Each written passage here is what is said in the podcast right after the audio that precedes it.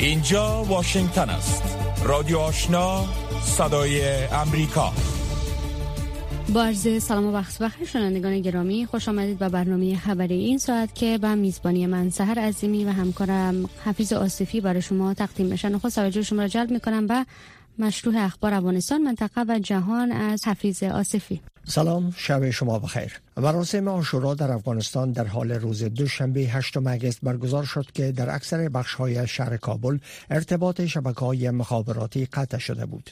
شمار از باشندگان ساحات مختلف کابل به ویژه ساحات شیعه نشین به صدای امریکا گفتند که از شب گذشته به این سو ارتباط شبکه های مخابراتی در ساحه آنان قطع شده و اینترنت نیز غیر فعال است که سبب ایجاد مشکلات برای مردم شده است. هرچند مسئولان طالبان تا در مورد قطع ارتباطات مخابراتی. چیز نگفتند اما گفته می شود که این اقدام به خاطر تامین امنیت مراسم آشورا روی دست گرفته شده است. در چند روز گذشته در اثر انفجارها در کابل که عمدتا عزاداران شیعه را هدف قرار داده است ده نفر کشته و زخمی شده اند. هیئت معاونت سازمان ملل متحد در افغانستان یا یونما در یک پیام تویتر نوشته است که در انفجارهای اخیر در شهر کابل که داعش مسئولیت آن را به دوش گرفت بیش از 120 نفر کشته و زخمی شدهاند از چهارشنبه هفته گذشته به این سو سه رویداد امنیتی در مناطق عمدتا شیعه نشین کابل رخ داده است. یک مهاجم مزنون در ولایت کرمان در جنوب ایران ده تن را به ضرب چاقو کشته است. خبرگزاری اسوسییتد پرس به نقل از خبرگزاری ایرنای ایران گفته مهاجم مزنون افغان بوده و در میان کشته شدگان هم شش افغان و چهار ایرانی شاملند. دلیل حادثه ظاهرا اختلاف شخصی عنوان شده و این رویداد در شهر رفسنجان رخ داده است. گزارش ها است که وضعیت روانی شخص مزنون خوب نبوده است. پس از آنکه مذاکرات میان حکومت پاکستان و تحریک طالبان پاکستانی کدام نتایج را در پی نداشت و هیئت پاکستانی بدون هیچ گونه دستاورده به اسلام آباد برگشت. منابع از کشته شدن سه عضو مهم طالبان پاکستانی در افغانستان خبر دادهاند. یک منبع معتبر در تحریک طالبان پاکستان این موضوع را به بخش مشعل رادیو آزادی تایید کرده است. جزیات بیشتر را از نسرین محمود عزیزی میشنوید. در میان طالبان پاکستانی کشته شده یک فرمانده مهمشان به نام عبدالولی مشهور به خالد عمر خراسانی شامل است و دو تن دیگرشان حافظ دولت و مفتی حسن نام دارند. موتر حامل این رهبران طالبان شام روز یک شنبه در نزدیکی وزیرستان جنوبی در ولسوالی برمل ولایت پکتیکا در افغانستان با ماین کنار جاده برخورد کرده است. تا حال جزیات چگونگی ای رویداد رسانه ای نشده و هم معلوم نیست که این ماین را کی جاسازی کرده است. بعضی رسانه ها گزارش دادند که در این رویداد داماد عمر خالد خراسانی هم کشته شده است. کسی یا گروه تاکنون مسئولیت این انفجار را به عهده نگرفته است.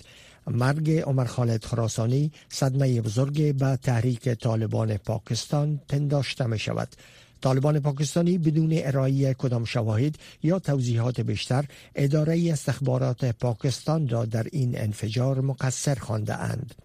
خبرهای جهان را از رادیو آشنا صدای امریکا می شنوید.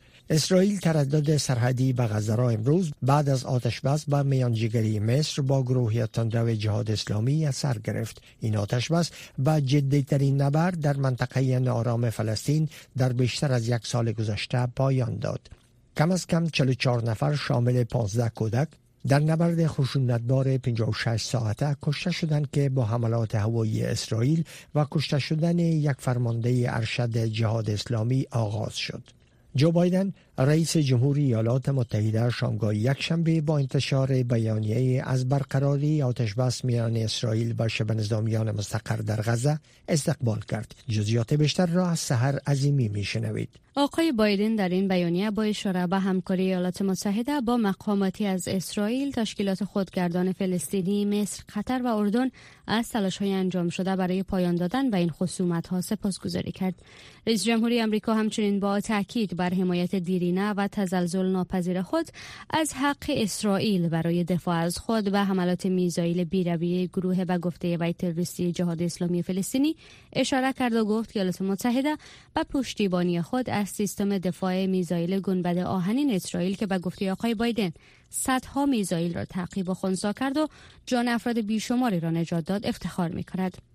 آقای بایدن تلفات غیر نظامی را چه بر اثر حملات اسرائیل به مواضع جهاد اسلامی باشد و چه بر اثر دهها میزایل جهاد اسلامی که بنابر گزارش ها در داخل غزه اصابت کرده است غم انگیز خواند. او از انجام تحقیقات کامل در مورد این تلفات اجرای کامل آتش بس و اطمینان یافتن از ارائه مواد سوختی و اقلام بشردوستانه به غزه را با کاهش درگیری ها خواستار شد. جو بایدن همچنین با تاکید بر اینکه هم اسرائیلی ها و هم فلسطینی ها شایسته برخورداری از زندگی مسئول و امن و معیارهای برابر آزادی رفاه و دموکراسیان بر تعامل دولت ایالات متحده با رهبران دو طرف برای بهبود کیفیت زندگی مردمشان تاکید کرد. ادامه خبرها از رادیو آشنا صدای امریکا. چین امروز دوشنبه اعلام کرد که در حال تمدید مانورهای تهدیدآمیز نظامی در اطراف تایوان است. این اقدام چین باعث اختلال در انتقالات هوایی و کشتیرانی شده و نگرانی هایی را در مورد احتمال درگیری ایجاد کرده است. رهبران اردو می‌گویند که تمرین های نظامی شامل مانورهای ضد زیربحری است که ظاهرا حمایت های ایالات متحده را برای تایوان در بر می‌گیرد و در صورت یک تهاجم احتمالی و بالقوه چین استفاده خواهد شد. چین گفته است که تمرین های نظامی شامل حملات میزایل تحرکات تیاره ها و کشتی ها در امتداد خط میانه باریکه تایوان خواهد بود که در واکنش به سفر نانسی پلوسی رئیس مجلس نمایندگان ایالات متحده با تایوان انجام می شود چین از تقاضاها مبنی بر آرامش تنش چشم پوشی کرده و هنوز هیچ نشانه فوری وجود ندارد که چی زمان به محاصره جزیره تایوان پایان خواهد داد. طبق گزارش نشر شده مجله خبری شپیگل آلمان طالبان مسایی تخلیه کارمندان حکومت سابق افغانستان و سایر افراد در معرض خطر را متوقف کردند شپیگل گزارش داده است که پلان اضطراری برلین برای هزاران کارمند محلی پیشین در نهادهای آلمانی فعالان سیاسی و هنرمندان در افغانستان به خاطر کنترل وضع شده از سوی گروه طالبان متوقف شده است. بر اساس این گزارش شپیگل هدف حکومت آلمان تخلیه 7700 نفر بین ماه جولای و نیمه ماه سپتامبر بود. اما اگرچه 1044 افغان توانستند در این برنامه تخلیه از افغانستان در ماه جولای خارج شوند و نظر نمی رسد باقی افراد طبق پلان تخلیه شوند. وزارت خارجه آلمان با آژانس خبری دی پی آی آلمان گفته است که روند تخلیه افراد در معرض خطر و طور قابل ملاحظه بطی شده است. این وزارت گفته است که مشکل بزرگ این است که طالبان فقط به شهروندان افغان دارای پاسپورت اجازه خروج از کشور می دهند حالان که پاسپورت و سختی صادر می شود بر اساس معلومات وزارت خارجه آلمان حدود ده هزار افغان که توسط برلین وعده تخلیه داده شدهاند هنوز در انتظار ترک کشور هستند. آنتونی گوترش منشی عمومی سازمان ملل متحد امروز تقاضا کرد که مفتشین بین المللی به تأسیسات هسته‌ای ژاپورژیا دسترسی پیدا کنند. این تقاضا بعد از اتهامات اوکراین و روسیه بر یکدیگر به خاطر گلوله‌باری بر این بزرگترین تأسیسات اتمی اروپا صورت گرفته است. نیروهای روسی مجتمع راکتور هسته‌ای ژاپورژیا را در جنوب شرق اوکراین در اوایل ماه مارچ به تصرف خود درآورد. اما تأسیسات هنوز توسط تکنیکرهای اوکراینی اداره می شود. و حکومت نظامی چاد و بیش از چل گروه جنگجوی این کشور قبل از آغاز مذاکرات آشتی ملی که در اواخر این ماه در این کشور افریقایی برنامه ریزی شده است یک تعهدنامه را امضا کردند با وجود آن جبهه تغییر و توافق چاد گروه عمده شروشی این کشور با شرایط تعهدنامه موافقت نکرده است توافق امروز دوشنبه را در دوحه تمام گروه های امضا کردند که در مذاکرات بیستم ماه اگست در شهر انجامنا پایتخت چاد شرکت می کنند. حکومت نظامی چاد نیز توافق کرده که هیچ گونه عملیات اردو و پلیس را علیه گروه هایی که در این توافق نامه شاملند در کشورهای همسایه انجام ندهند. پایین اخبار تا این ساعت از رادیو آشنا صدای امریکا رادیو آشنا صدای امریکا. پنج تا هفت صبح و هفت شام تا ده شب. تازه ترین خبرها و گزارش ها و حالا می‌رسیم به بخش گزارش های این ساعت کشته شدن الزواهری در قلب کابل نگرانی و عدم اعتماد بیشتر کشورهای غربی را در مقابل طالبان افزایش شده است. موقفگیری جامعه غرب و ویژه ایالات متحده در برابر رهبران طالبان که هنوز هم در فهرست افراد تحت تعقیب واشنگتن قرار دارند چه خواهد بود؟ در این رابطه قدیر مشرف مصاحبه با داوود قیومی دیپلمات پیشین و پژوهشگر در پوهنتون لورنشن اتاوا انجام داده است که با هم میشنویم. خب ببینین رابطه بین طالبان و القاعده بسیار پیچیده طولانی داره برمیگرده به دهه 90 از نخستین روزایی که طالبان شکل گرفتن با گذشت زمان اینا موفق که روابطشان با گروه های حراستگن از جمله القاعده ایجاد بکنن. رابطه در طول زمان افزایش پیدا کرد. مخصوصا رابطه طالبا و القاعده زمانی بسیار برجسته شد که حادثه به 11 سپتامبر رخ داد که در او اسامه بن لادن رهبر پیشین القاعده بسیار نقش محوری داشت. طراح اصلی حادثه بود و عمدتا این حادثه از, از, از افغانستان سازماندهی شد. خب حدودا 20 سال طول کشید. پس از کشته شدن بن لادن 10 سال و پس از حادثه 11 سپتامبر 20 سال بودن که طالبان دوباره موفق شدن که رابطهشان با امریکا ایجاد بکنن و یک شرط اصلی که در در مخصوصا در موافقت نامه دوحه تاکید شده ای بود که طالبان باید رابطهشان با القاعده محدود بسازند.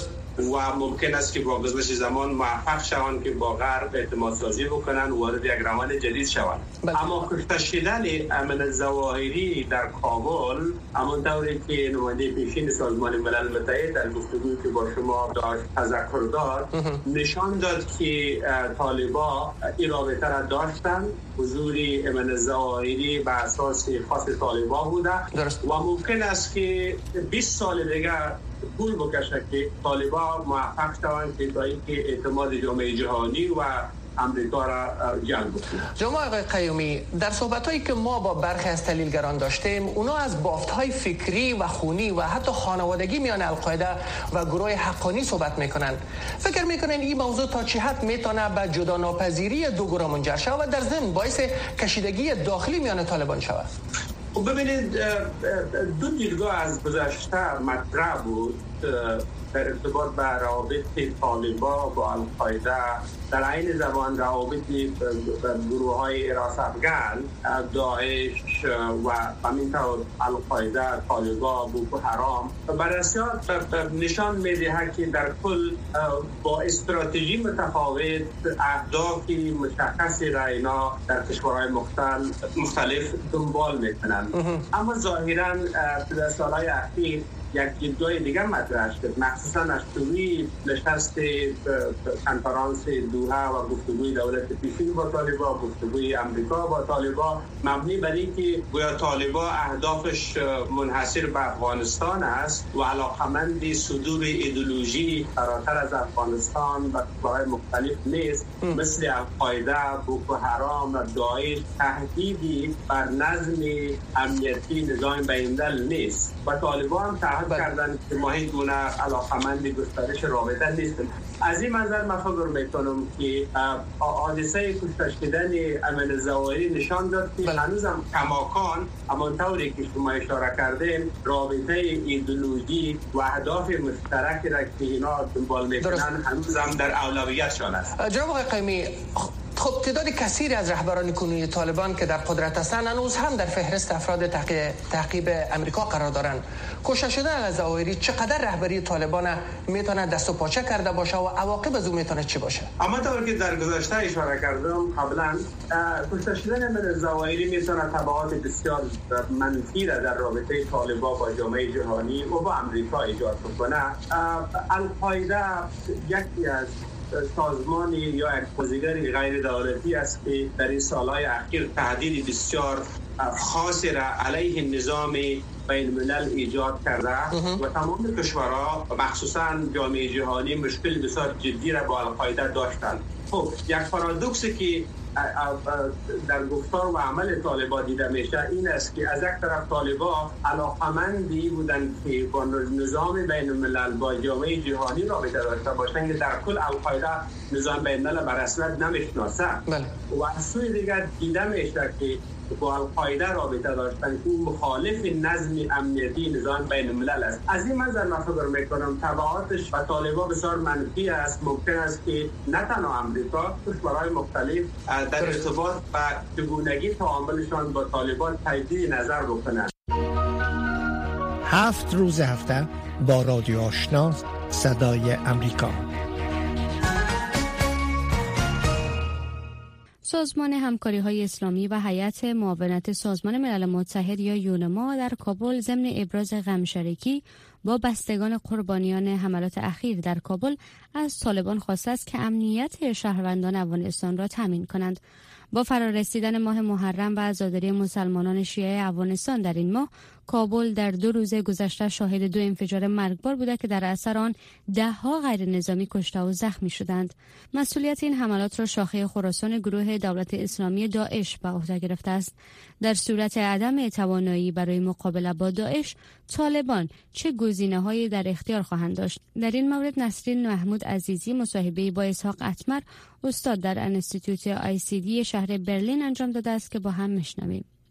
جناب آقای اتمر آیا حکومت طالبان توانایی مقابله و رویارویی با افراد داعش دارند؟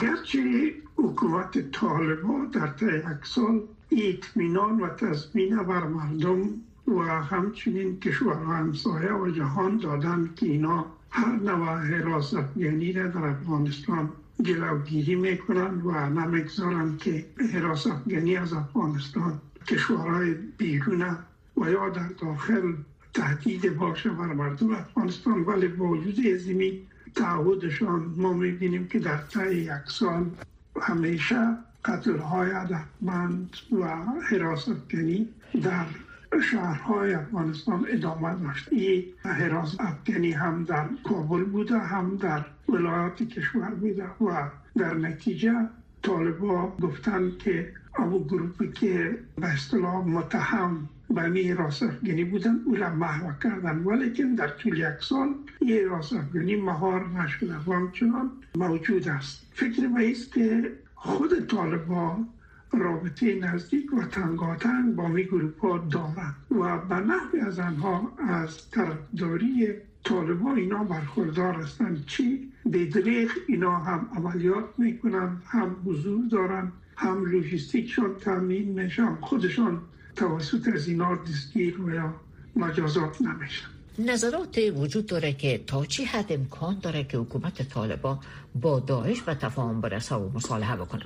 طالبا غیر میگن که با داعش آشتی ناپذیر هستند ولیکن در مجموع گروپ های افراطی و به نوع از آنها همکارای طالبا بودند و هستند اکنون هم حفظ و نگهداری گروپ ها بر طالبا می‌تونه تصمیم بدن که اگر طالبا ایلیانا دچار کدام مشکلی و یا تقابل با کدام گروه سیاسی دیگه باشن می‌تونن این گروه ها حراست کن طالبا رو کمک کنن. چی خود طالبا به اصطلاح کندک های استشادی دارن و اینا.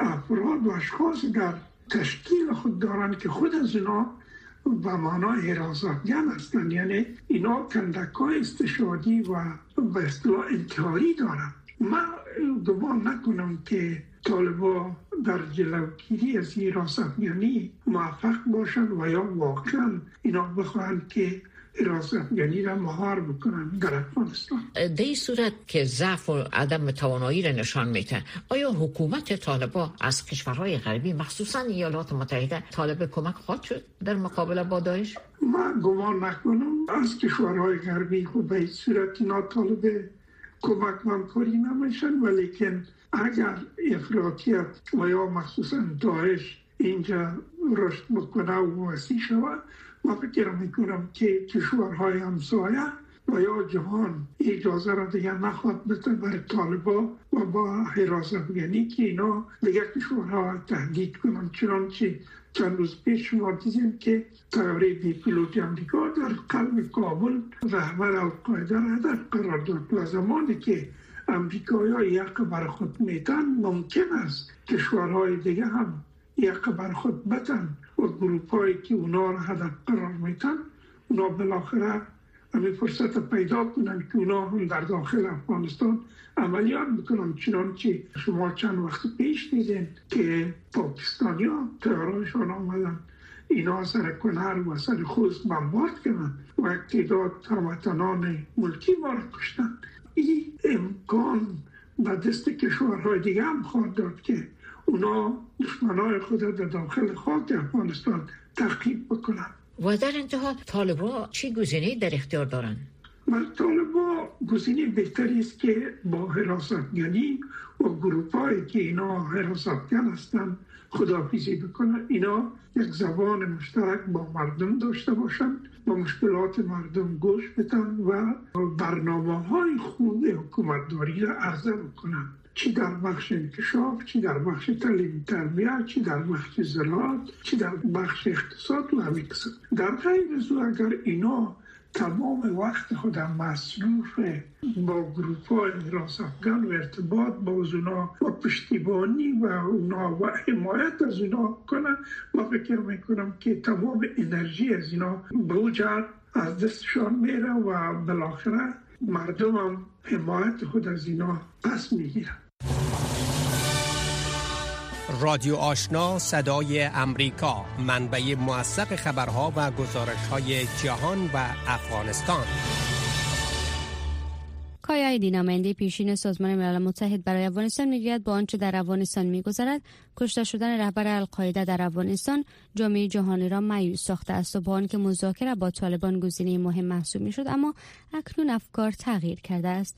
آقای آیدی می‌گوید طالبان ظرفیت و تجربه حکومتداری و پیشرفت جامعه را ندارند و با حاکمیت بر 50 فیصد جمعیت کشور موفق نخواهند شد. توجه کنید به مصاحبه ژیلا نوری با آقای آیدی که با سخنان وی در مورد کشته شدن رهبر القاعده در افغانستان و روابط طالبان با این گروه آغاز می شود پرسش خوب است. بسیار معیوس شدم. وقتی از کشته شدن الزوایی در کابل خبر شدم. از اینکه او در داخل کابل در یک خانه نزدیک ساختمان حقانی بود.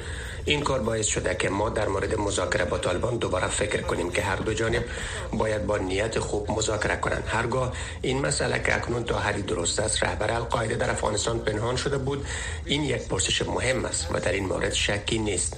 ما کسانی که طرفدار مذاکره با طالبان بودیم بیشتر از قبل مورد تمسخر قرار گرفتیم که شما چطور به این سادگی باور کردین که با این افراد مذاکره نمایید؟ خودم نمی‌توانم این مسئله را درست درک کنم. فکر می کنم این یک موضوع بسیار شکننده برای مردم افغان و برای رهبری طالبان و افراد در غرب است. ما ادعا می کردیم که دیالوگ باشد و من عقیده دارم که اصلا راه حل بدون صحبت کردن وجود ندارد. اکنون این وضعیت افکار مرا و سایر افراد را در مورد مذاکره تغییر داده است. شما رفتن طالبان را در افغانستان در یک سال چطور ارزیابی می‌کنید به خصوص در قسمت حکومتداری اداره اقتصاد و تامین امنیت افغان که هنوز با حملات روبرو هستند. نخست از همه باید واضح نماییم که جامعه افغانستان از دهه 90 میلادی بدین سو رشد کرده است. افغانستان در مقایسه با سابق در بخش های مختلف جامعه پیشرفت کرده است. به نظرم طالبان توانایی و تجربه حکومتداری در کشور را برای پیشرفت آن ندارند. واضح است که برای افرادی مثل ما که در کابل در مقامات مختلف کار کردیم کابل یک جای نو و متفاوت است. و باید آن را کشف کرد و این لازم است که شناخته شود. اما طالبان توانایی و لیاقت حاکمیت همچو اجتماع را ندارند و یکی از دلایلی است که ما تاکید داریم که باید حکومت همه شمول تشکیل گردد که توانایی و کیفیت در بخش های مختلف برای حکومت داری داشته باشد و مردم بخواهند در کشور باقی بمانند و کار کنند. و باید رهبری طالبان با مردم به نحو بازتر عمل کند و اداره کشور فقط مربوط به 50 فیصد جامعه نیست.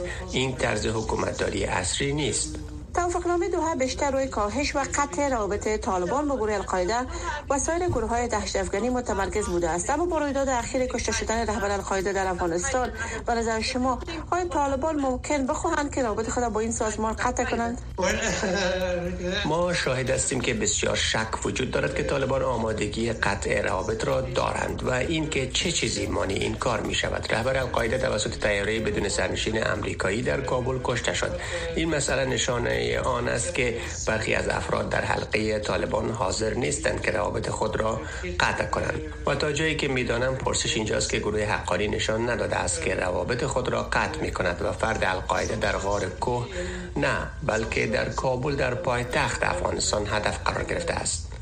آنچه اتفاق افتاد تکان دهنده است و هر کسی که با طالبان بخواهد در آینده مذاکره کند باید از هر جهت بر آنها اعتماد نماید.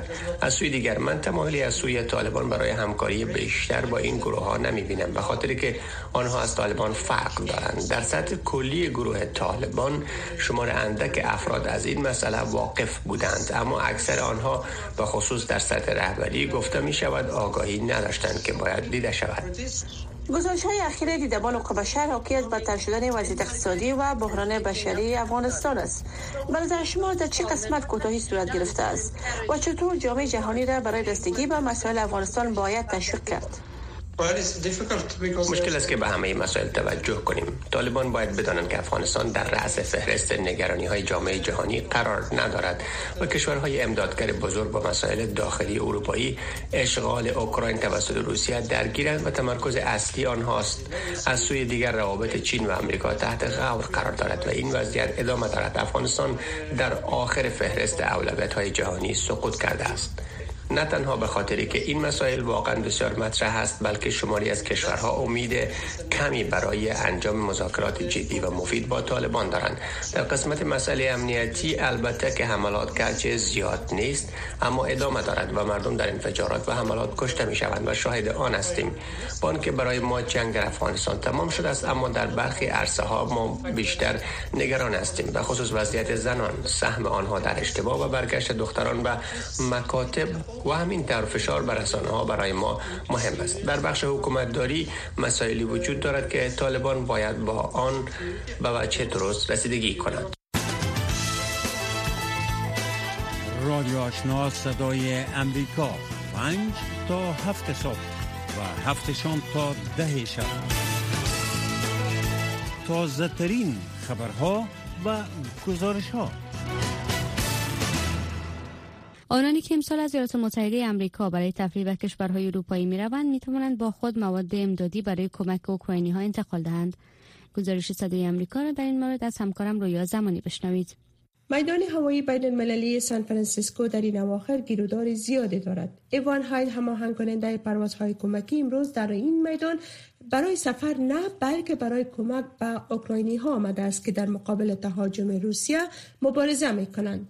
ایوان هاید هماهنگ کننده پروازهای کمکی می‌گوید فکر کردم که اگر هر مسافر به جای گرفتن دو تا سه بکس ده یا 20 بگیرد ما قادر خواهیم بود که به جنگجویان اوکراینی کمک های مورد نیاز آنان را ارسال کنیم وظیفه هاید با سازمان Flying Aid یا کمک های هوایی هماهنگ کردن تلاش ها برای پیدا کردن مسافرانی می باشد که بتوانند کمک های ضروری از ایالات متحده امریکا را به اوکراین انتقال دهند. تا اکنون چندین تن کمک از کالیفرنیا به اوکراین فرستاده شده است. اندر هوپکن و ماکسیم پاولیچن دوستان هاید هستند آنها نیز علاقمندی خود را در این کار نشان دادند. بنان به همکاری یکدیگر سازمان کمکی هوایی ایجاد شد. آنهایی که حاضر می شوند تا چند بکس هاوی کمک های بشری لوازم صحی و یا هم تجهیزات حفاظتی را به اوکراین منتقل کنند آنها نزد هاید می آیند. هاید و دوستان به دنبال مسافرانی می باشند که از سان فرانسیسکو به اروپا سفر می کنند و سپس همه ترتیبات را آنان انجام می دهند. آرسن کاستنکو به وارسای پولند پرواز می کند. او با خوشی زیاد موافقت کرد تا با خود بکس کمکی را انتقال دهد. من این کار را می کنم تا احساس خوبی داشته باشم. زمانی که شما بتوانید صرف پول انتقال دهید احساس خوبی رخ می دهد بنابراین سفر من اکنون بسیار مهم است. بعد داوطلبان تمام روند از جمعوری بکس ها تا بکس های دستی آموزش داده شده است. محموله ها قبل از این که ارسال شود بررسی می شود تا اطمینان حاصل شود که تمام تدارکات در محل تعیین شده قرار دارد. یکی دیگر جزئیات مهم این کار توافق با خطوط هوایی است. همه خطوط هوایی با ارسال بکس های اضافی نمی‌خوان که پروازهای سنگین را انجام دهند. شنوندگان گرامی می رسیم به پایان سرویس خبری این ساعت از رادیو آشنا صدای امریکا برنامه ما ادامه دارد. تا دقایق بعد برنامه زنده ما شروع می شود